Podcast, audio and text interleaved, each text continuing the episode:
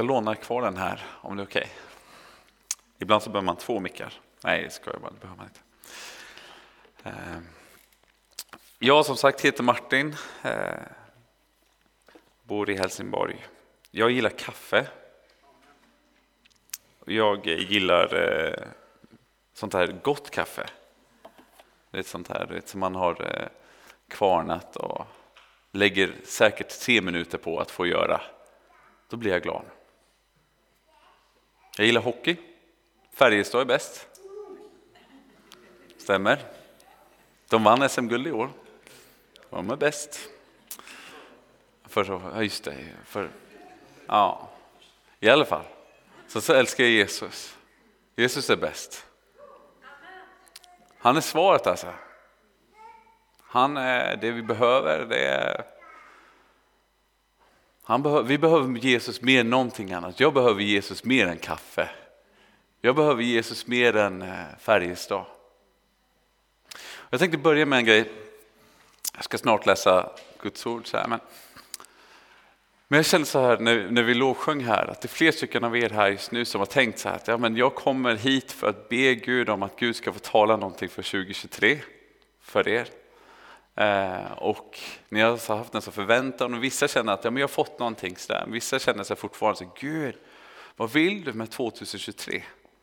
Och det är några stycken som är, har redan börjat så mind, så vet, måla upp lite, så det här vill jag göra 2023. Men som Gud har tänkt någonting helt annat för dig. Eh, och jag tänkte bara så här, är det okej okay att jag bara ber ut det redan nu? Så här, om, om, om det är någon av er som känner att ja, men det här är jag, så ta emot det här nu, okej? Okay? Jesus, tack att du är med oss. Du är med oss varje år. Och 20, 2023 så har du tänkt någonting speciellt för oss, Gud. Och vi vill tro att du har någonting av dina stora tankar för oss det här året. Att du vill att vi ska få växa, att vi ska få ta steg i tro, att vi ska få se mer av vem du är Gud. Och Jesus, jag ber om att du just nu ska få börja tala om 2023. Du ser vissa som har kommit hit med den här förväntan att Gud kommer att tala om det här året för mig. Och Jesus, jag ber om att du ska tala just nu.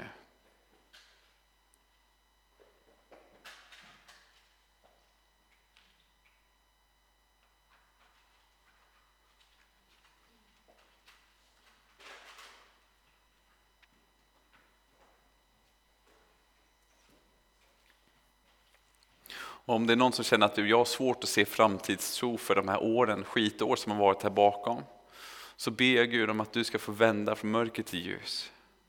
Komma in med hopp. Tack att det, att det finns inget så här hopeless case, utan du, du älskar oss och du älskar att vända mörker till ljus. Amen. Så bra. Jag har med mig två kompisar hit idag. Levi och Isak heter de. Och jag bett Levi här för fem minuter sedan att läsa Bibeln. Eh, för att han är så duktig på det. Och så väldigt fin person. Har ni fina vänner? Jag känner att jag har några stycken fina vänner. Levi och Isak är några av dem, så det är fint. Och så har jag med mig en stor bibel. Ja.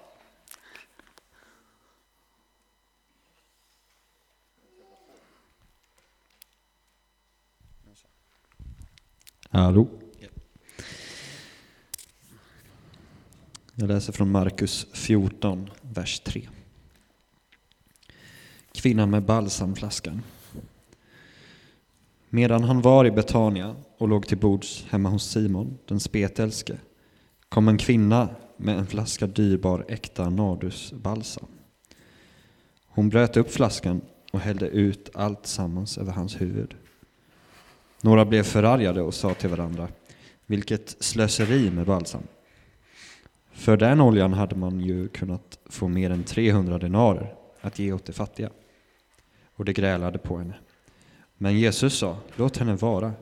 Varför gör ni henne ledsen? Hon har gjort en god gärning mot mig. De fattiga har ni alltid hos er. Och dem kan ni göra gott mot när ni vill. Men mig har ni inte alltid. Hon har gjort vad hon kunde. I förväg har hon sörjt för att min kropp blev smord till begravningen. Sannerligen, överallt i världen där evangeliet förkunnas ska man också berätta vad hon gjorde och komma ihåg henne. Amen. Kan ni till?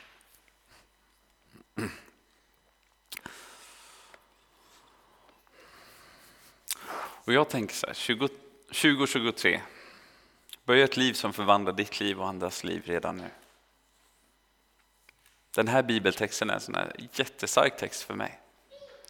Varje gång jag tänker på den så tänker jag det här är, liksom, det här är guld. Det finns något väldigt provocerande i den här texten. Det finns något väldigt vackert i den här texten. Och, eh, för det första, det här är ju nardusolja. Nardusolja det är ju ungefär ja, den är 300 denarier, som är ungefär en årslön.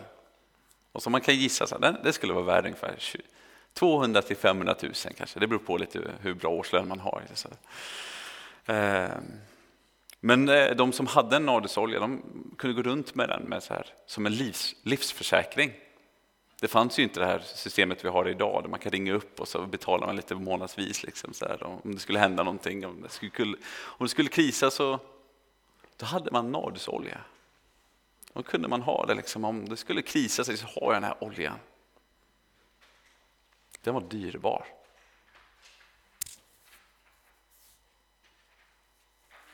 Och jag tänker så här, att jag, när vi läser det här så låter det ändå väldigt fint. Men så känner man ändå så här, hur, hur illa är det här egentligen? Och jag, jag kände så här, jag tänkte att jag målar upp en bild för er hur illa det här skulle kunna vara. Förra, förra året köpte vi en bil, eh, en Citroën. Den är inte värd så mycket, men den, den är en bil, liksom. den funkar. Och tänk om, om Jesus skulle komma hit i fysisk form den här helgen, idag, skulle komma hit idag och skulle sätta sig ner här med oss och så, vi skulle få hänga med Jesus, det skulle vara världens fest. Och jag kör in min bil och börjar hälla bensin på. Tänker så här, ja, på bilen liksom. Och så känner jag så här, jag ska ge Jesus en riktig liksom, salut. Så riktigt, nu ska jag få smälla till ordentligt här för Jesus. Vi såg fyrverkeri igår. Mina barn älskar fyrverkerier har jag upptäckt igår.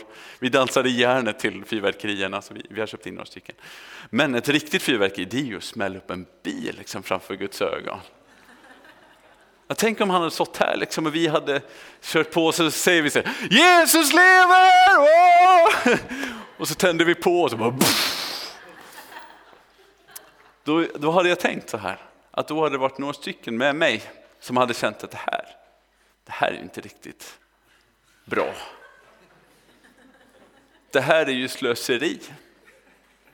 Det här är slöseri med resurser.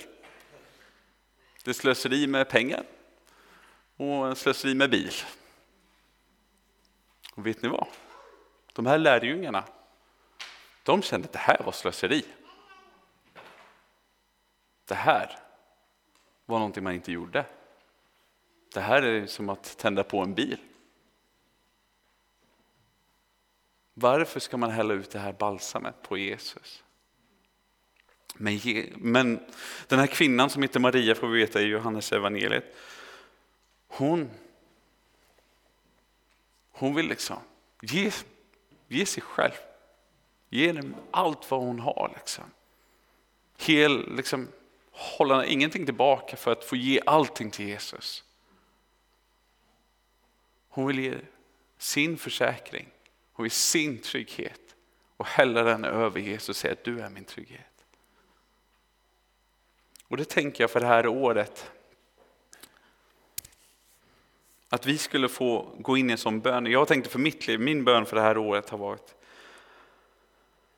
att låta något som kan få vara dyrbart eh, Låta mitt liv få vara dyrbart i Guds ögon mer än människors ögon. För det här, eh, det här i världens ögon är slöseri. Men i Guds ögon är det dyrbart. För hon ger, ger sig själv, och ger sitt hjärta och ger, liksom hon häller ut sig, sin kärlek för Jesus.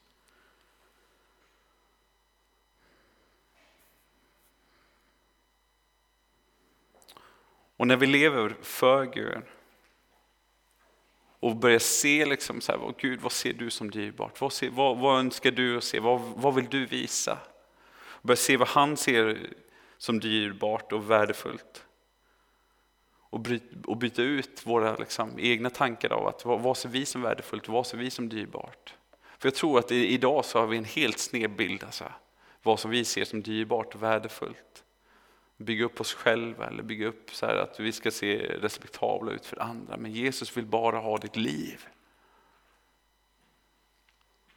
Han vill liksom komma med ett nytt liv till oss. Han vill komma med någonting nytt till oss. Och det kostar. Det kostar så sjukt mycket. Det kostar våra liv, det kostar anseende, vad folk ska tycka och tänka. Men han vill komma in med någonting nytt till oss. Och jag tror att vi liksom ska få bli präglade i det här året, hoppas jag, att det, det är min bön som sagt, men också, jag hoppas att ni kan ta det som er bön också, att vi ska få präglas mer av Guds fruktan för människofruktan det här året. För vi behöver det. Världen behöver det. Och att vi ska få leva med ett rent hjärta, överlåta till Gud.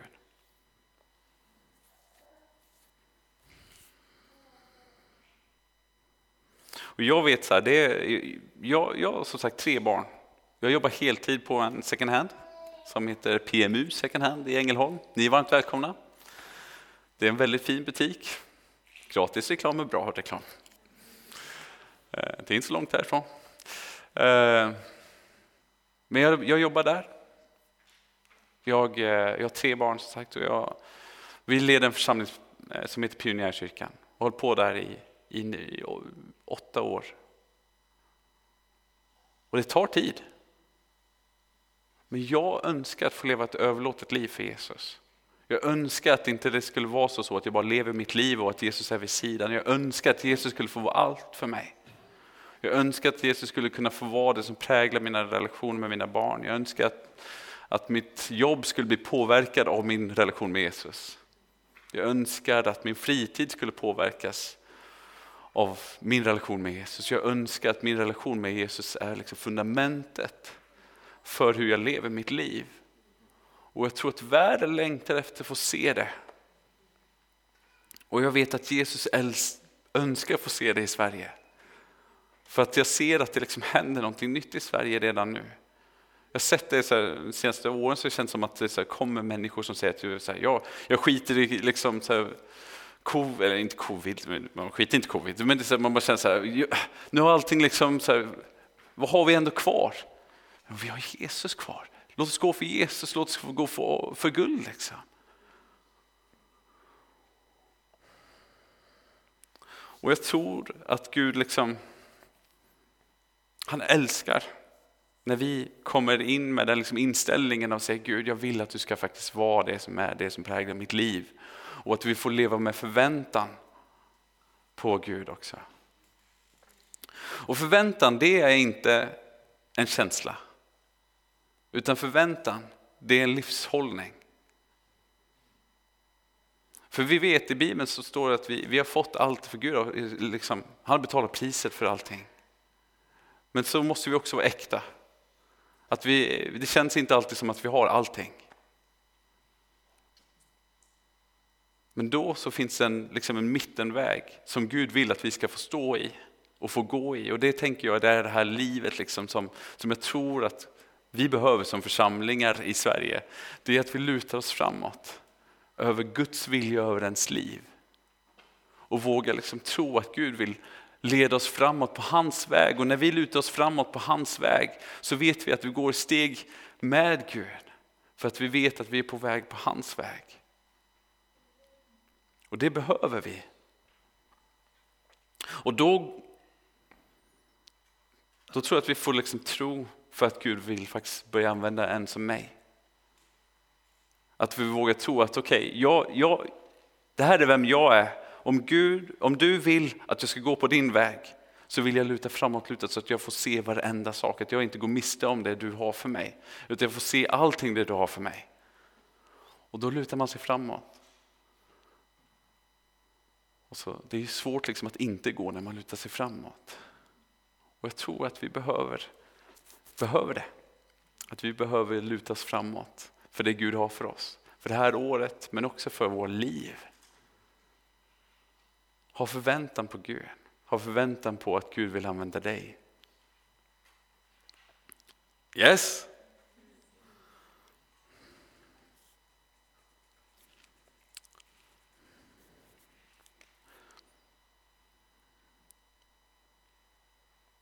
Och då går vi från ett defensivt kristet liv till ett offensivt. Och jag tänker så här, i några år nu så har det känts som att Sverige liksom har blivit tvungna att vara defensiva.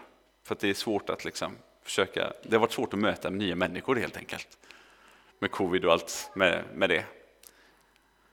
Ja, men jag tror att vi kan faktiskt säga okej, okay, 2023, jag önskar att få se leva mer offensivt liv med dig Gud.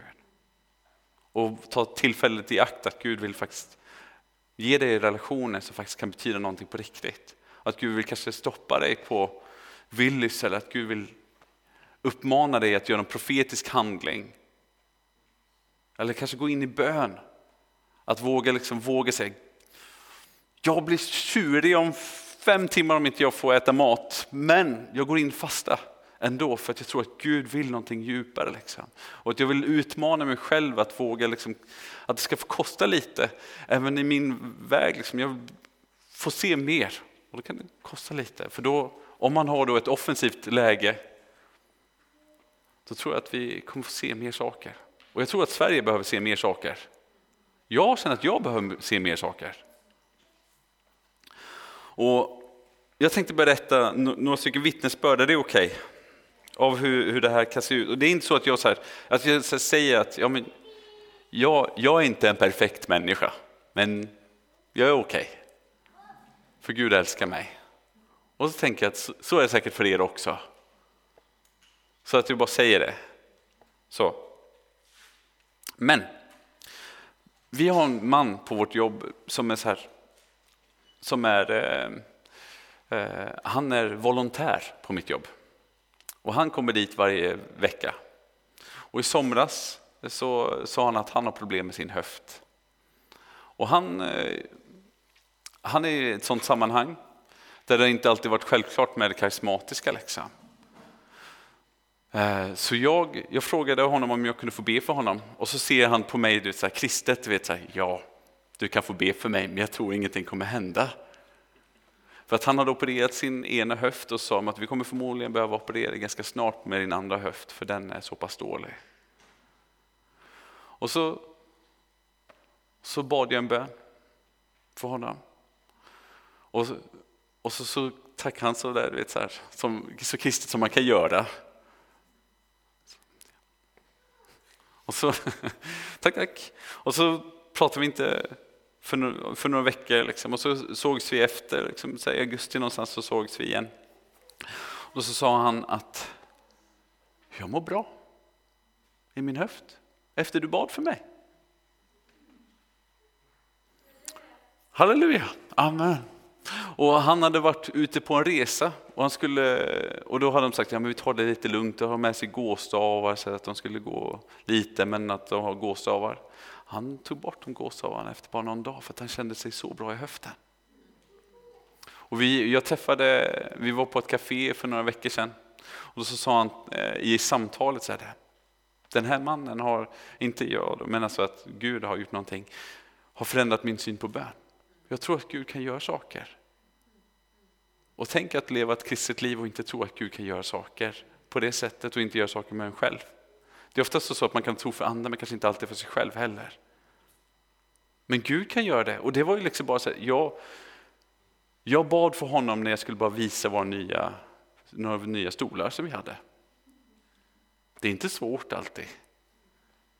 Men Gud är stor, han vill göra stora saker. En annan sak, vi, för några år sedan så hade jag och Gabi, eh, vi hade det inte jättebra. Så vi hade eh, ställt med ekonomiskt. Sådär. Och eh, jag studerade, eller var ja, papperlig, ja, någon, någon, någonstans där. Vi hade lite, lite pengar. För att vara exakt så tror jag att vi hade så här, sparat 1000 kronor. Och det är inte alltid så jättebra om man vet att det är några dagar kvar tills att vi får lön och sådär. Och så hade vi 500 kronor var inne på vårt konto, 500 kronor var löst. Och så har vi en vän som är hemma hos oss. Och, eh, och jag känner så här, jag, jag, Gud vill att jag ska ge de här 500 kronorna till henne. Och jag vet att det här, det kostar lite för oss. Ibland så känns det ju inte någonting att få ge pengar för att man har liksom sådär, men ibland så kan det kännas lite tyngre och då så har jag känt så här, att om man känner sig maning till att ge någonting, gör det direkt. för, att annars går, för annars kommer köttet in och säger, ah, du kan ju få köpa några stycken McFeast med dem där, du vet. Så är det ju. Så det är mitt tips. Om ni tar med någonting, så här, om ni ska ge pengar, ge det direkt. I alla fall. Ska ge det. Och jag märker liksom i det här att Guds närvaro bara kommer över platsen. För det händer någonting när vi ger någonting av oss själva in i någon annans liv. Det är en profetisk handling men det är också en, så här, det är en andlig handling av att säga Gud jag tror dig mer än på min egen liksom, ekonomi. Det behöver vi. Och när jag gjorde det så kände jag så här, när jag släppt så släppte taget, man kan inte ge tillbaka. Liksom. Då känner jag så både frihet men också känner jag så här, ja Gud nu får du göra någonting här för jag, du vet att vi, vi, vi kommer behöva mer än de här 500 kronorna som vi har på kontot. Så jag började be om det, så här, Gud du, du har gett det här, du kan även förse oss. Och så bad jag Gud, så här, Gud jag ber om att vi ska hitta pengar som vi inte har. Två dagar efter så hittar min fru en 500-lapp i sin plånbok som inte var där tidigare. Och vi tänker, var kommer den ifrån? Och så vet jag om att Gud kan göra allting. Gud kan stoppa ner en 500-lapp, det är inget problem för honom. Jag har sånt vittnesbörd också, bara, bara sidospår. Jag har en kompis som heter Samuel, han, fick en, han upplevde att Gud talade till honom så här, i örat. Liksom. Att han skulle ge honom pengar för att skulle åka en, en bussresa in i en brevlåda. Han var så nyfiken, så han satt hela natten och bad så här. och satt uppe hela natten för att se att ingen, vem det är som skulle ge honom pengarna, för Gud måste ju sända någon person. Så han såg, så det öppnade så det var ingenting där och så satt han i en bil med en kompis och bara, vi ska se på något häftigt. Så sitter han. Så satt de ner och kollade. Tjuvkikade liksom på brevlådan hela natten. Så där. Om de är lite trötta så slår de till varandra så, där, och så kollar de. Så klockan åtta på morgonen så öppnar de upp det ett brev med hans namn inristad i guld. Ingen var där. Gud alltså, Gud är cool. Gud är bra. Eh, en, en plats där jag känner att Gud liksom har gjort saker, det är i butiker ibland. Jag tänker så här, vi, det, om, man, om man känner att jag möter inte människor så oftast, gå till butiken och be att Gud ska få visa någonting. Jag, jag har en sån, ett sånt eh, vittnesbörd från eh, när vi bodde i Jönköping massa år sedan. Men då, då, då så var jag på Willys. Och du vet Willys, egentligen så känner ju folk så här, nu är jag inne i min egna värld. Nu ska jag bara handla, så ska jag gå ut. Men jag går in och så bara känner jag, okej, okay, Gud vill säga någonting till den här personen. Och så visste jag inte riktigt så här, om jag skulle så här, avbryta honom mitt i mjölköpet eller om jag skulle liksom vänta utanför. Så jag beslutade mig för att i alla fall, jag väntar utanför.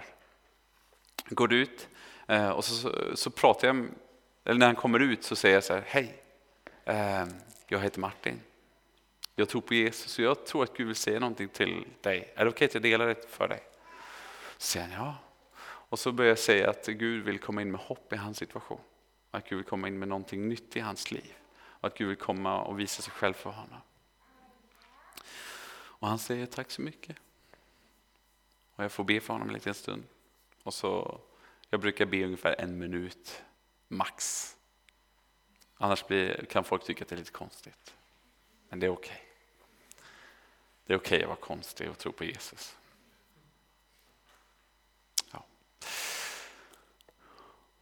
Vanligtvis så hör man ingenting efter när man gör sån här grej. Men, men här så, så fick vi faktiskt höra det. För att hans fru var ganska svårt sjuk. Och några år senare så får jag höra då att en, eh, jag har en kompis som heter Rebecka som är god vän med en som jobbar som personlig assistent åt henne. Som jag inte alls visste vem det var. Jag hade aldrig träffat dem här. Och han, då kommer han hem från Willys och säger, jag mötte en man idag. som sa det här till oss. Och han, hon var ju som sagt svårt sjuk så, där, så att han, han kände ju att det här var verkligen så spot on. Det kändes som att Gud verkligen ville bryta in i deras situation. Och hon var där. Och hon gick i Pingstkyrkan i Jönköping. Så hon kunde liksom kanske så här, få komma in med en öppning liksom, som hon hade bett för. Att få komma in med hopp, komma in med liv. Hon, det slutade med att de gick alfa och, började, och gick med i församlingen. Tro på Jesus liksom. Och det, är, det är inte alltid man hör såna här, liksom så här, hur det händer senare. Men det är fantastiskt att Gud liksom kan öppna upp sådana saker. Bad, I höstas bad jag för en kille som på, Vill, på Lidl i Åstorp. Bad för hans axel.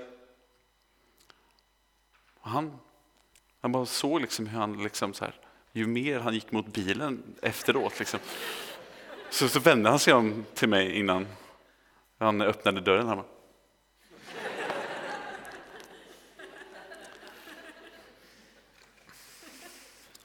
Så det, det, Gud kan göra saker. Alltså. Och jag tänker så här, det, ibland så, så tänker vi, ja, men så här, ja, alltså,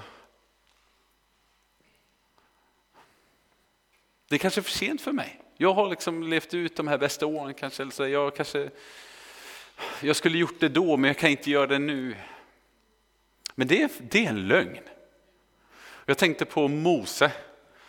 Han fick ett gudsmöte när han var 80 år gammal. Så förvandlade hans liv. Liksom. Han hade gått 40 år med och hängt med får. 40 år innan så säkert haft massa faraoiska partyn. Liksom. Ganska stor skillnad. Säkert tråkigt många nätter, tänker jag, med jätter. Det rimmade. Eh, och, eh, men tänk, tänk, tänk om han skulle sagt 79 års ålder, bara, nej, nu vill jag bara lägga mig ner här och liksom vara nöjd med detta. Då skulle, då, då skulle ju liksom vi missat, liksom, han, han hade missat framförallt den mest spännande tiden i hans liv. Det var 40 år liksom av massa spännande saker. Alltså tänk, tänk att missa den här liksom, att gå upp till farao. Liksom. Hela den biten med. Tänk att missa att få se Israel komma in i det förlovade landet igen. Det är massa saker man kan missa.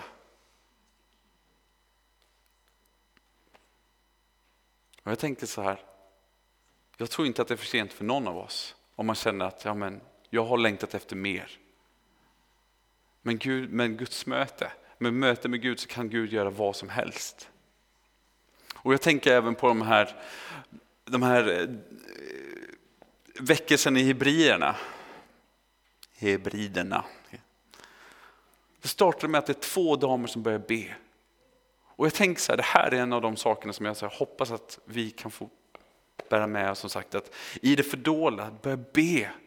Alltså Gud vill liksom att vi ska få bli ett bedjande folk som inte liksom tar det här med bön, liksom så här, ja men det är en bit lite här, liksom vi har det lite så för att det låter lite fint när vi ses.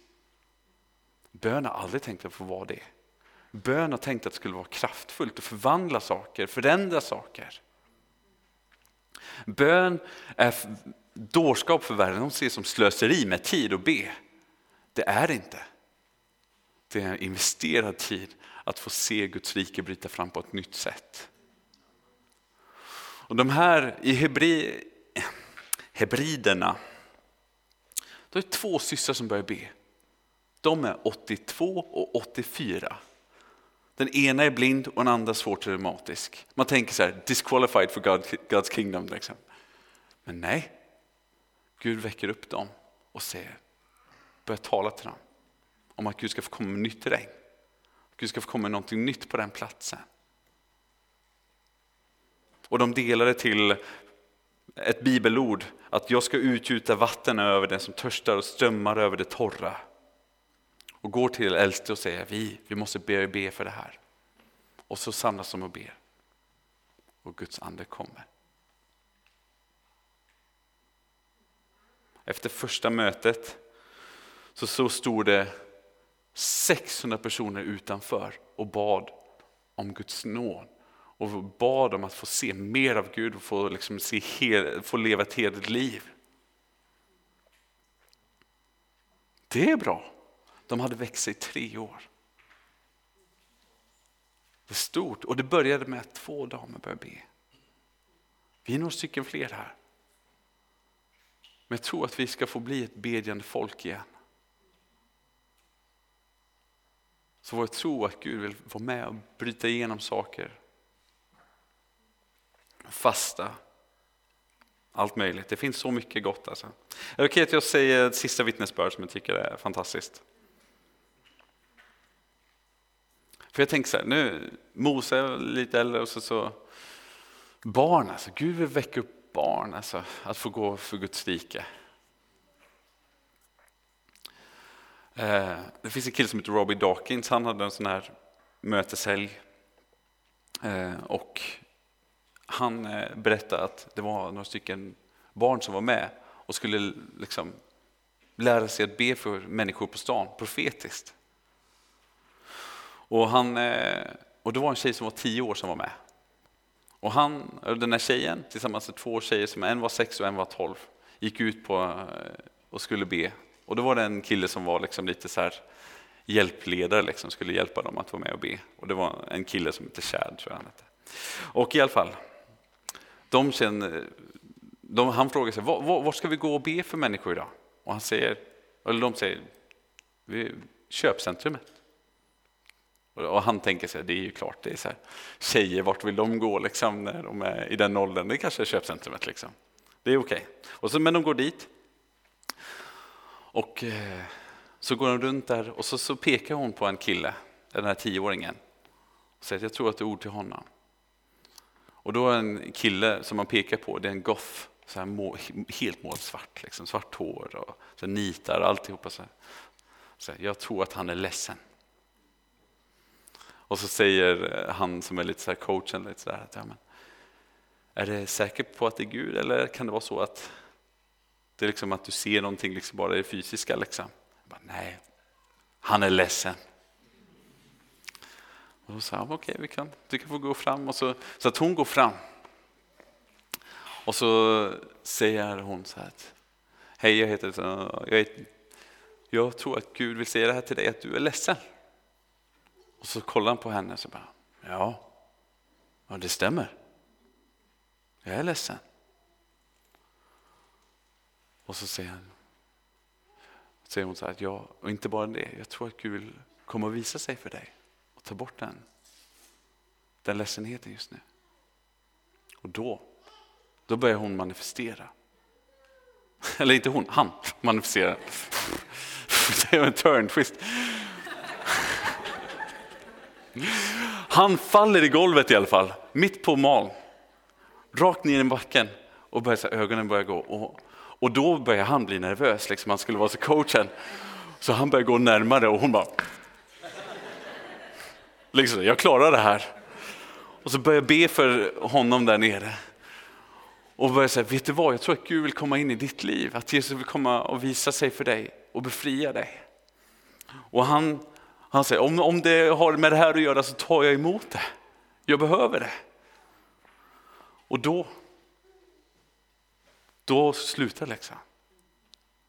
Han bara, han bara känner hur det kommer en ny läxa. fri, frihet över honom. Han reser sig upp och känner sig så berörd. Liksom. Och han säger så här, och så frågar han så här, har du, har du ont någonstans? Och så här, har alltid haft ont i ryggen men nu har jag inte ont i ryggen längre. Så Gud befriade honom och helar honom rakt upp och ner av en tioåring. Och det är bra, men inte nog med det. Hon frågar så här, har du erfarit den helige ande, liksom, fått tungotal?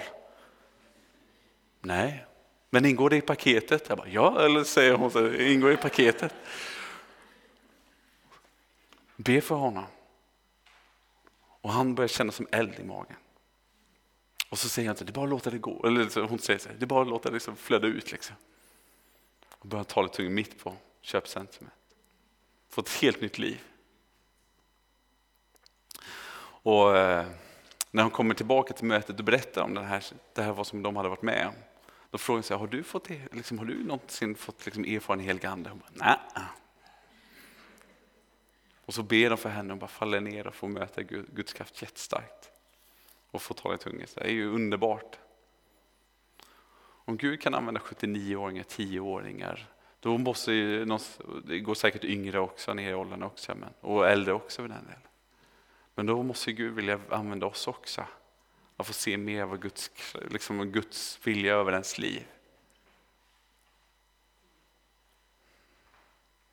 Jag tänker vi ska gå in i eh, förbön nu. Men jag tänkte, är det okej bara ett till ord som jag kände tidigare och att jag tror att Gud liksom har eh, lagt ner en tjänst av att få drömmar. Eh, att du liksom, det finns någon här inne som jag tror liksom har den här att jag, jag får drömma profetiskt och att Gud vill eh, blåsa nytt liv i det för det här året. Och Det kan vara så att du eh, har eh, bett om det också en tid, att få så här, att jag önskar få se det, att få nya drömmar. Liksom. Att Gud får tala till dig i drömmarna. Är det... Jag tänker på dig. Vad heter du? Ja, Josefin. Eh, är det någonting som du har bett för? Nej. Ja. Men jag, ja.